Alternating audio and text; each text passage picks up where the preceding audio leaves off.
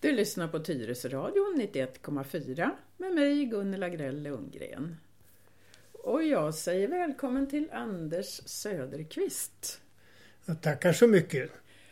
Känd som Seniornet Tyresös allra första ordförande. Jajamensan. I många år var du och Sven... Ja, Sven Lundberg. Ja, vartannat år var ni ordförande. Ja, vi, vi växlade då och eh, vi hade väl några stammisar till som damer då som, som hjälpte till både med ekonomin och med eh, fika och med som sekreterarjobb. Så det var den gamla stilen. Ja. Tjejerna gjorde det, ja. kaffet och, och ja. vi höll låda. Cooperation, säger ja. jag. Jo då, vi var väl väldigt överens mm. om hur det skulle gå till. Det var Doris som startade Doris den... Samuelsson som startade Café Ventilen ja. ja. Som sen liksom dog ut och sen tog vi upp den när vi hade tioårsjubileum. Så sen dess har ja, den funnits så igen. Till, ja. Kanske lite annan tappning nu än tidigare. Ja. Och sen hade vi en kassör. Eh, det var Helmi Vaktra med. med. Ja. Som och så, inte lever längre. Ja, nej. Och så Margareta Svan. Margareta Svan heter hon. Hon var sekreterare ja. när jag började. Ja, det stämmer bra. Ja, och när jag... Hon var i många år då. Ja. Höll de på. Och när jag började så var du ordförande. Jaha, minsann var det. Och då skickade du små mejl till mig ibland med tips, datatips. Och jag kände mig så hedrad. Oj, ordförande skickar tips till mig. Ja, Jo, men det, där SeniorNet gick ut på att eh, alla som var med skulle hjälpa alla andra som behövde hjälp. Mm. Och eh, det var väldigt eh, mycket sådana där möten med eh, för att hjälpa till med ja. datorn som var ny då. Ja, det var ju nytt då. Vi jobbar ungefär likadant nu också. Ja. Sen är du känd för att du är världsmästare i simning. Och du och ditt lag har till och med slagit världsrekord som ja. står sig än. Ja, jag vet inte hur länge det, det, det stod. Men eh, det var så att eh, en tid efter sen jag blev pensionerad, och då var jag väl 71, 72 år som jag pensionerade mig. Och då eh, hade jag ingenting att göra utan jag gick hemma på gräsmattan och, och undrade om jag hade tillstånd att vara där. om jag skulle jobba någonstans. Men då träffade jag vid en, en fest en um, dam som höll på med simning, mastersimning eller seniorsimning som en del kallar det för. Men då tävlar man i sin åldersgrupp och gruppen består då eh, till exempel från man är 40 till 44 år och sen nästa grupp är 45 till 49 och så går det där vidare. Det är som i orientering. Ja, mm. precis som så andra, andra idrotter. Rättvist. Också. Så att när jag var, vad kunde jag vara, 72. Ehm, då gick jag ner till Gubbängsbadet. Alltså Gubbängsskolan har en simhall där på 25 meter. Och där höll Hellas sim klubb. Vis, visste du det då? Att de ja, jag hade träffat då den här damen på, så, på en fest där hon var tävlingssimmare för polisens sim, simklubb då. Och hon berättade för mig om det här och det var, det var två år innan jag besökte det badet. Och det berodde på att jag, jag var osäker på det där. Jag var så gammal och hade inte simmat på 55 år egentligen. I ungdomen höll jag ju på. Tävlingssimmade du då också? Ja, i, i distriktsmästerskapen uppe i Härnösand då. Mm. Det var brorsan Olof och jag höll ihop där uppe. Han var lite yngre än jag då. Men eh, under arbetskarriären då, då var det ju inte någon simning att tala om utan då var det ju jobb. Man simmar väl på sommaren naturligtvis lite ba grann. Bada lite kanske? Ja, ungefär så typ. mycket. Men eh, jag hamnade nere i Gubbängsbadet. Eh, då var det en eh, kvinna som hette Barbro och var, hon var några år äldre än jag då, som vinkade in mig när jag stod och stirrade i fönstret där på, på simmarna. Och då gick jag in och så hoppade jag i och började simma lite grann. Men då ifrågasatte de om jag hade simmat förut för att jag hade hållit uppe i över 50 år. Men det flöt i alla fall? Jag flöt och det gick väl framåt sådär. Men tekniken var ju urusel. Det hade ju ändrat sig mycket på 50 år, simningen. Jaha, var det bröstsim? Jag simmade, ja, ja, jag simmade väl olika simsätten men jag var höll mest på med frisim, alltså crawl. Och um, då var det en kille där i, i, i badet som frågade egentligen Har du spelat på vattenpolo? Nej, sa jag. Ja, du simmar som en vattenpolospelare. Ja. Och det var väl inte så bra då. Det var inget erkännande precis Nej, då. det var det inte. Men han lärde mig där, eh, Boa, Boa Almer hette han. Han lärde mig riktigt hur det skulle gå till. Efter två år så var jag med i min första tävling. Och det var i Haninge simhall. Och eh, man har ju hört talas om där att, att han simmar ända in i kaklet. Precis. Och det var första gången de fick se en simmare som kunde simma rätt in i kaklet med full fart. Jaså? Och det var jag. Ja, hur gick det till? Ja, det var ju min första tävling. Och, och, blunda kanske? Ja, jag visste inte riktigt. Jag, jag visste inte hur det fungerar överhuvudtaget på en tävling. Så att för det första så missade jag första eh, loppet jag skulle simma för jag tyckte att vi som var så mycket äldre skulle ju komma sist i, i startledningen. Men de, de, hade systemet tvärtom så jag skulle vara där först och simma. Så jag kom aldrig med i första loppet. Men sen i lagkappen då, vi var fyra stycken, eh, så skulle jag simma igenom sträckorna där, 50 meter, i den där 25 metersbanan. Men då skulle man ju komma till andra sidan och så vända där och tillbaka. Men när jag dök i, då hade jag inte spänt fast glasögonen tillräckligt. Så de åkte ner över näsan och munnen. Och jag såg ingenting. Jag försökte få bort... Fick du luft då? Ja, jag, jag tog med ena armen och rev bort den där så jag kom i otakt. Det var helt värdelöst alltihop. Men jag såg ju inte kaklet utan jag såg bara en vit vägg då som närmade sig. Du kände kaklet handgripligen? Ja, jag, full fart rakt in och sen krafsade jag där lite grann för att komma runt. Och Kunde tillbaka. du vända så där som de gör nu? Med. Som man gör liksom en kullerbytta? Då fanns inte det. Nej. Den stilen. Den kom senare. Ja. Mm. Men eh, det var min första entré i en bassäng. Tävlingsbassäng. Och det var inte så lyckat. Men du, hur fick du tag på ett lag då sådär direkt? Ja, det, det, är ju inte så många äldre som, som simmar. Vi var ju 70-årsåldern då. Och då, då gällde det bara att få ihop ett lag på fyra stycken i den årsklassen då. Ja. Så då var vi fyra som passade in. Men eh, det gick väl bättre så småningom. Så att... Men sen skaffade du ett lag där ni kommer från hela Sverige? Ja, Hellas hade ju den idén att alla som ville fick få ju vara med. Och eh, det var inte bara vi som bodde här i närheten av Stockholm utan vi hade kompisar och medlemmar i Hellas som var både från Norrland och sim simmade där och i Dalarna och, och i södra Sverige och Göteborgsområdet. Jaha. Så att när det var dags för tävlingar då strömmade vi tillsammans och så hade vi träningsdagar och sen ställde vi upp då i både SM oftast men vartannat år hade vi ett lag i Europamästerskap och eh, dessemellan då vartannat år ett eh, världsmästerskap som vi ställde upp på. Ja, och ni slog världsrekord?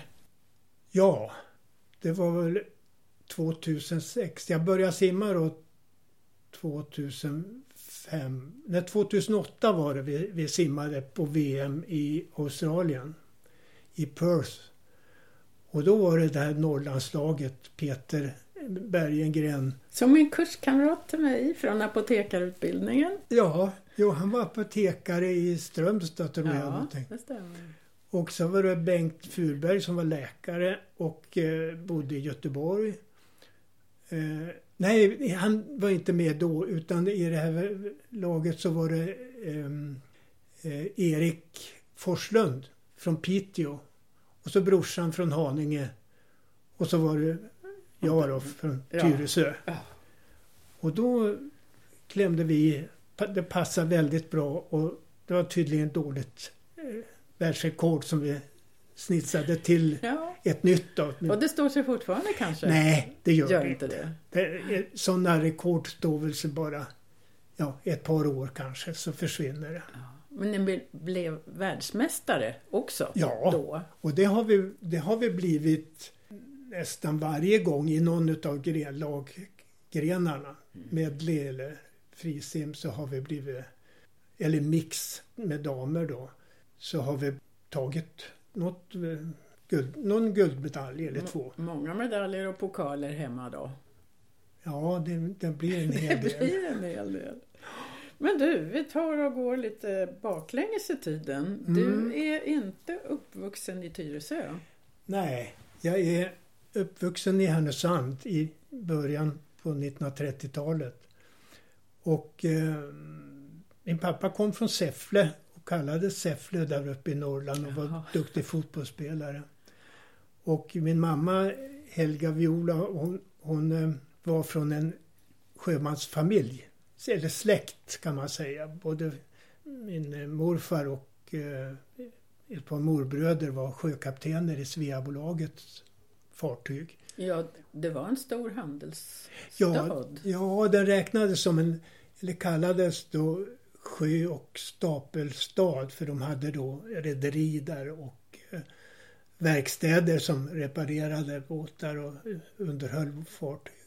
Stapel, byggde de fartyg Nej, också? det, det kan hända, det vet jag inte om de gjorde tidigare. Men när man sjösätter första gången då heter det väl båten gick av stapeln? Ja, precis. Ja, Och därav kommer det uttrycket. ja just det. Jaha, lockade sjön dig? Nej, men min pappa hade haft en önskemål när han var ung att gå till sjöss. Och sen då var det ju släkten på min mammas sida som, som eh, var sjöfolk så att säga. Och nästan alla de här gamla släkterna i Härnösandsområdet hade någon i familjen som var till sjöss. Så att eh, när jag sent om sidor då tog realen och eh, skulle börja jobba då på hösten efter realexamen då när man var 16 år. Då måste jag ju skaffa något jobb. Och då dök det upp en, en eh, tillfälle där man kunde mönstra på som elev på ett skolfartyg som hette Albatross som Broströmkoncernen i Göteborg ägde då. Och eh, då på hösten så fick jag en biljett av min pappa då och satt på tåget på morgonen och skulle åka till Göteborg och mönstra på. Men eh, jag kom aldrig fram till, till båten därför att när vi kom till Säffle då kom jag ju på att pappa hade sin släkt där så jag steg av tåget Jaha. och missade båten där. Men eh, pappas bror då, Yngve, eh, de hade en bilförsäljning och en verkstad. Och eh, då stannade jag kvar där i Säffle och så jobbade jag i, i verkstaden då med lite hand... Du struntade i båten, Albatrossen? Nej, jag var i, i Säffle då tre månader och den här båten gör en rundtur på tre månader. Så att nästa gång den kom tillbaks till Göteborg så hade jag fått lift med en långtradare från Säffle ner till Göteborg och den killen skulle någonstans i närheten av kajen där båten låg. Så på något vis så, så ordnade det sig med papper och, så att jag kom med då i nästa tur ner till Medelhavet och runt. Medelhavet direkt. Ja, Då gick ni över Biscaya förstår jag. ja. Det hör man ju alltid talas om att det är så blåsigt där. Och det, stäm, det kan jag garantera att det är alltså. Eller var åtminstone den gången vi passerade med det här segelfartyget. Ja. Ni hade fulla segel alltså? Vi hann ju få ner alltihop innan det liksom började blåsa riktigt åt fel håll. Så vi hade ju en fruktansvärd motvind då. Men ni hade en liten hjälpmotor? Ja, båten var försedd med en, en fyrcylindrig dieselmotor så, så att jag hade ju mönstrat på då som eh, maskinbefälselev som det kallades.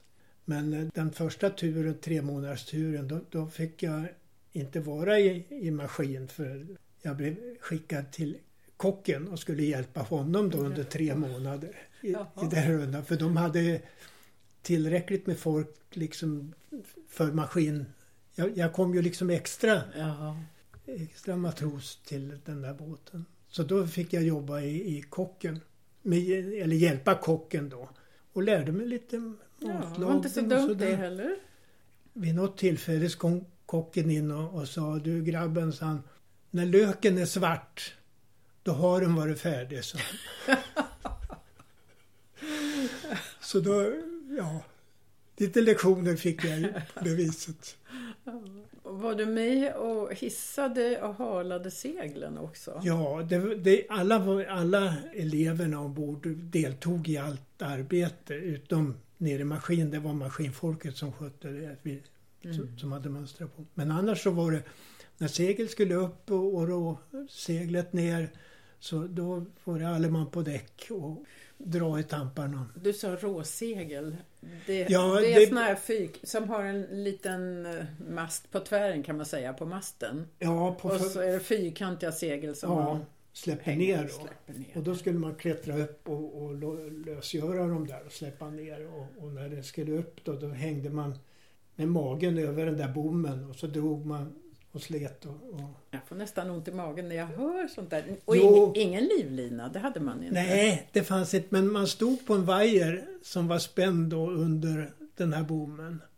Mm. Och så hängde man över bommen och så drog man på motsatta sidan då. Så att, det gick bra. ja, oftast. ingenting särskilt hände. Nej. Men att seglet kom upp så småningom. Ja. Men man hade ju ont i fingrarna för det, det var ju hårt. Segelduken var ju stenhård liksom. Men ni kom över Biscaya och fram till Medelhavet. Ja, och då gick jag, var jag med sex månader där. Så att det andra, de andra tre månaderna som jag var med, då var jag med i laget i maskin då. och Skötte, Fick hålla i smörjkannan. ja, jo då. Så jag gick vakt om vakt då.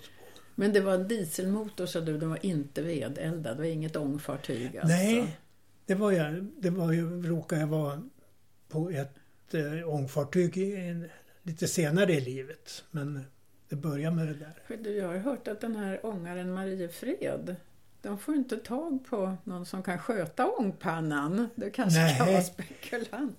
Nej, det, det finns inte att få tag på sådana längre. Nej, Så den som har gjort det håller väl på att krokna. Ja. Där ser man. Ja, men tog det tre månader till Medelhavet?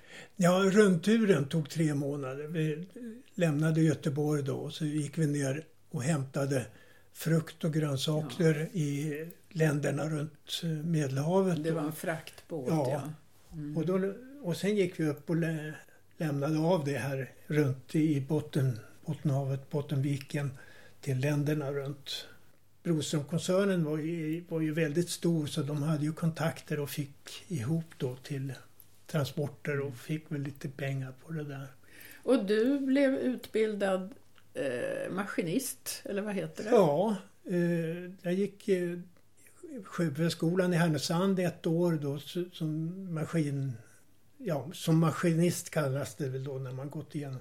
Sen gick jag då i, i, på Sjöbefälsskolan i Göteborg och blev maskiningenjör eller sjöingenjör eller Men vad de kallar var du chief någon gång? Nej, jag, jag var andra och tredje maskinist var jag några gånger på. Men inte, nå, inte, inte andra och första någonting. Men du gick inte kaptenslinjen alltså? Nej. Utan du... Nej, jag, jag, var, jag hade ju fel på mina ögon och jag var färgblind påstod läkarna. Så då, då får man lite... Nej, men jag tror inte riktigt på det där med färgblind för att numera så, så klarar jag av och, och Du ser trafikljusen? ja, dels det och dels eh, ge lite kritik eh, till eh, tavlor som min hustru Inga-Lill Ja. gör. Och eh, Där kan jag urskilja olika färger. Ja, vad bra. Och sen, du blev alltså maskinbefäl? Ja.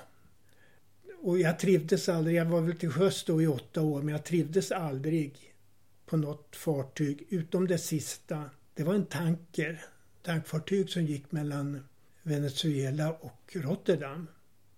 Och eh, sista turen vi gjorde då, då han var förste maskinisten och telegrafisten och jag skulle mönstra av. Och vi hade trivts väldigt bra tillsammans under flera resor. Och eh, när vi mönstrade av då så, så gjorde vi sällskap för vi skulle ju till Helsingborg där rederiet hörde hemma. Så att eh, första maskinisten ja, han köpte en bil, en eh, tjeckisk bil. Jag kommer inte ihåg vad den heter riktigt. Is Isabel... Va? Isabella fanns den som hette. Det hette så va? Ja, ja. Jag, tyck, jag hade något minne av att det var ja. Isabel. Ja, en sån köpte han. Och då satt vi där på förmiddagen och så satte kurs mot Helsingborg. Men eh, vi kom inte förbi tullen. Ja, vi tre kom, men bilen var, bilen blev fast i tullen. Ja. För det fanns inga papper som dög. Yes. Så, så, med besiktning, jag vet inte vad det var som det Så bilen lämnades i tullen och, och jag stannade väl två dagar i Helsingborg. Och andra dagen så såg jag en jättefin liten sportbil som stod där på en gata. Och så tänkte jag, ja man skulle kanske köpa en bil. Så då gick jag och köpte en bil och så packade jag in och körde hem till Härnösand. Ja, vad var det för bil? En Audi A90. Ja. Med rattväxel och... Oj, oj, oj. Ja, så det var... Det här var i karriär. slutet på 40-talet eller fem, början på 50-talet? Det kanske? var... Eh, ja, det var, nej, var mitten på 50-talet. Ja, för rattväxeln kom väl då någon gång?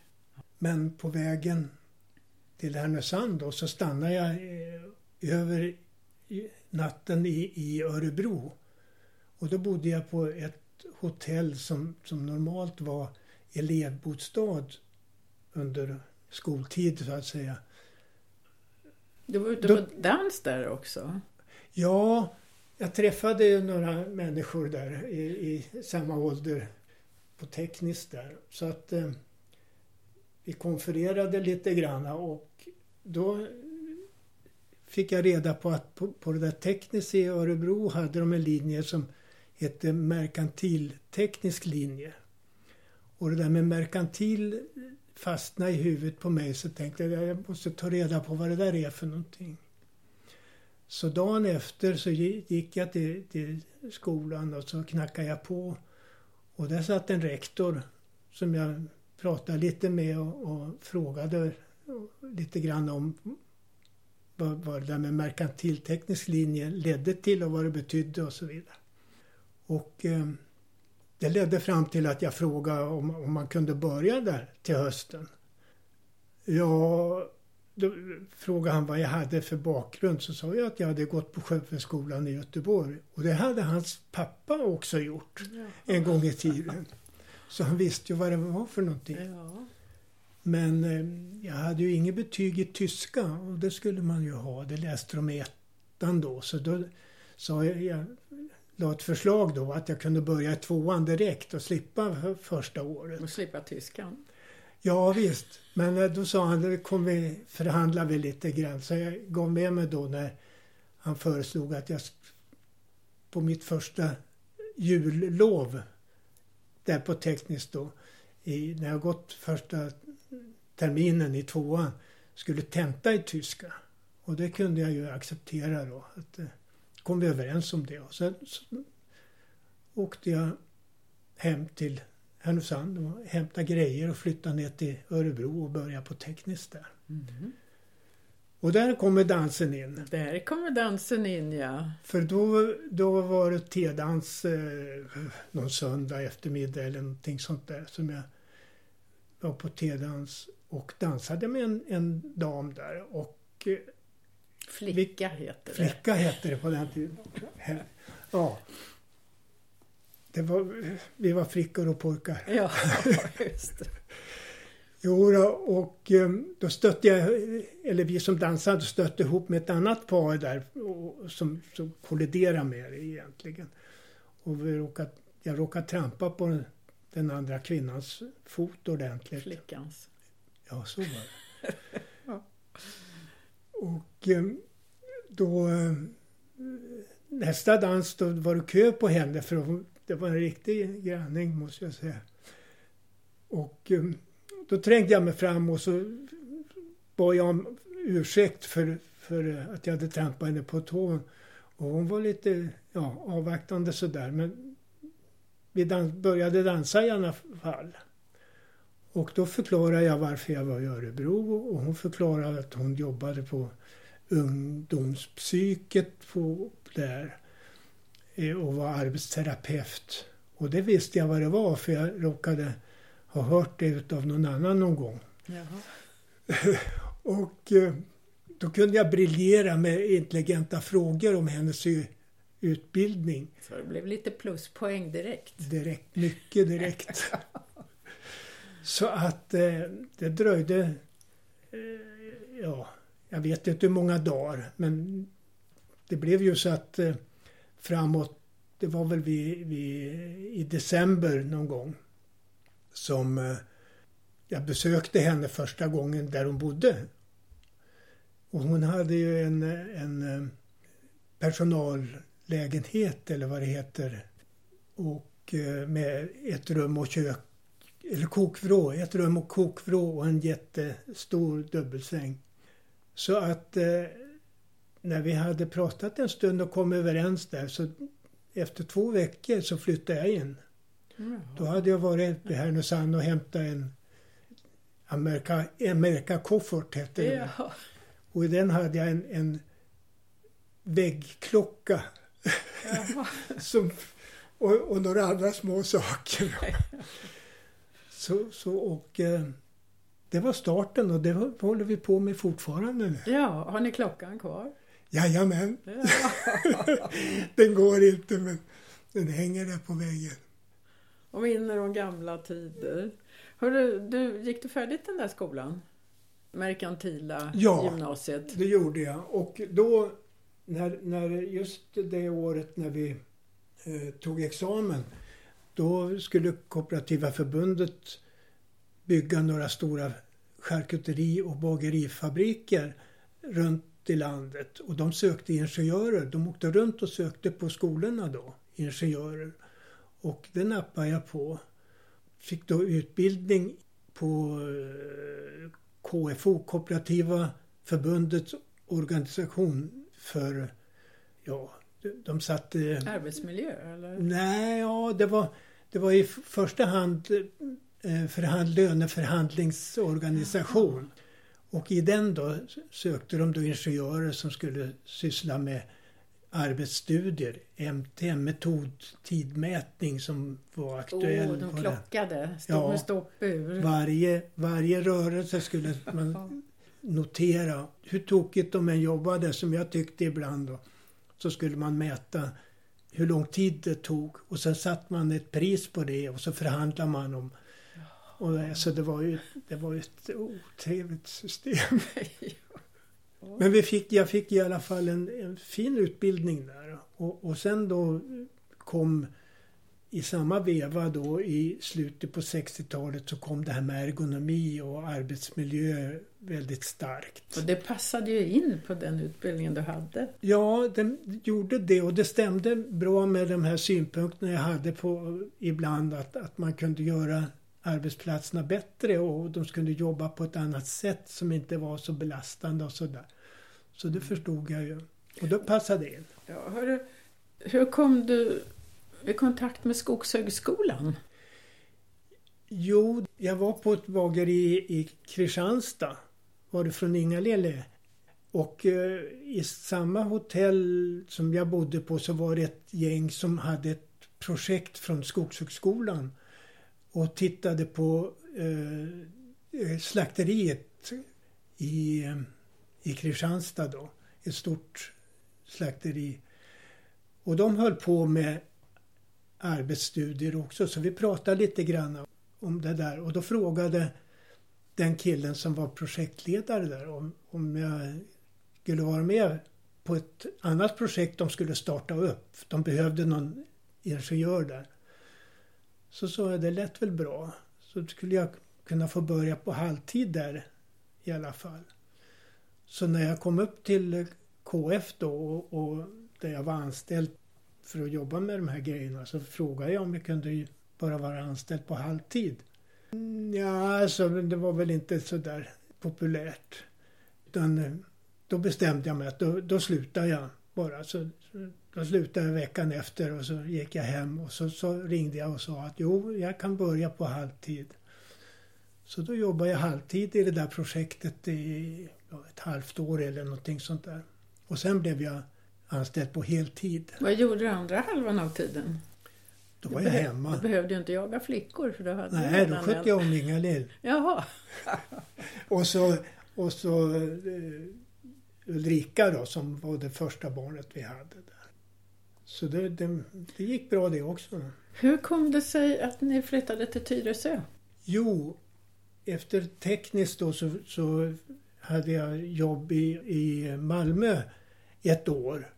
Då bodde vi där nere det året. Och sen flyttade vi upp till Haninge, eller Handen, Vändelsö, Sandgropen i Vändelsö, Jaha. där bodde vi. Och efter det då, så, där bodde vi väl något år. Och eh, det var väl inte alls meningen att vi skulle komma till Tyresö. Ingalill såg att vi, det fanns ett slott här ute som vi skulle åka och titta på.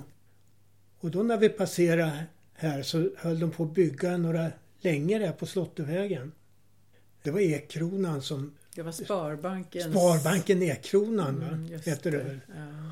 ja, som, som eh, hade annons ute om det där. Och Inga-Lill hade ju sina idéer. Så, för hennes pappa var byggmästare så att det, det där att bo i en lägenhet det kunde man flytta ifrån och skaffa ja. sig ett hus och vad det var. I alla fall då så då stannade vi till och tittade på de där husen. Och eh, det, det första Inga-Lill sa när hon kom ut där, ett sånt här ska vi ha. Det kände hon direkt? Det visste hon direkt att det där skulle... Och så blev det. Och där bor ni fortfarande? Ja. De byggdes väl 66 ungefär tror jag? Ja, det stämmer bra det. Det var det året vi, vi flyttade hit. Och eh, det var det sista huset de byggde som var den vi hade valt. Jaha, jag trodde nummer ett var första huset. Nej, de byggde från andra de hållet ut. Från, Men du har fortfarande en fot kvar i Härnösand, i trakten?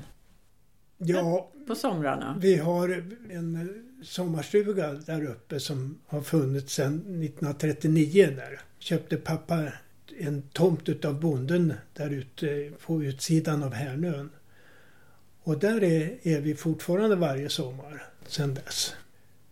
Och ni fick två barn som växte upp på Slottervägen? Ja, Ulrika och Carolina. Och de kom med några års mellanrum. Och Ulrika bor fortfarande kvar här men Carolina har flyttat till Farsta och jobbar där. Och, det är inte så långt bort? Nej, det, det, tar en kvart med bil så är, är, man där. Det är kul att ha dem ganska ja, nära. Ja, de är rätt uppfostrade. Stanna i närheten av sina Ja, det tycker jag de gör rätt i. Hör du, tiden går. Ja. Du har ju också haft uppdrag i Bhutan av alla ställen ja, på jorden. Ja, just det. Det var under den perioden jag, jag jobbade på Skogshögskolan i Garpenberg. Då hade vi ju hållit på med sågverk och träindustrier och, och tittat på planering och, och säkerhetsfrågor. Då fick jag en förfrågan från FAO, Food and Agriculture Organization inom FN. Den där organisationen fanns i Italien och då hade de projekt igång i Bhutan som ligger då ovanför Indien. Kan Pytte, pytteland va? Ja, det är nästan inget land. Närheten av Nepal? ja, granne till Nepal, Kina och, och Indien ja. Och uh, ja, det några andra länder. Men det är så litet och det styrdes då av två familjer i stort sett. Den ena skötte det här med kungens som symbol och den andra var statsminister. Ja. Och de där släkterna skötte det där De själva. var inte bröder. Nej, det tror jag inte de var. Men, men eh, Men de turades om på något sätt. ja, de bytte det där jobbet precis som man på senare år har gjort i Ryssland. Då. Så först så var den ena kung och den andra statsminister och sen så bytte, man, man tvärtom. Ja. Ja. Och en annan sån där udda grej de hade det var att på sommaren flyttade de längre upp eh, på bergen där. Fäbod. Ja, och hade hela eh, regeringen med sig. då. Och sen hade man då på, på vintern hade man verksamheten nere, längre ner i Dalarna. Där. Ja, det finns väl mycket att säga om Bhutan, men hörru du, tiden går här. Tror du vi kan ta det en annan gång? Bhutan, för det finns väl mycket att säga om det.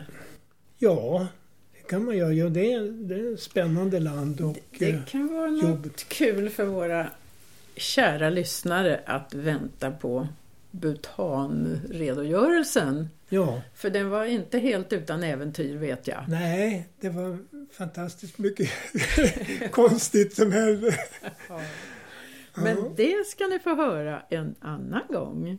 Och nu har ni alltså hört Anders Söderqvist berätta om ja, stora delar av ditt liv kan man säga. Ja, det stämmer nog bra. Och fortsättning följer.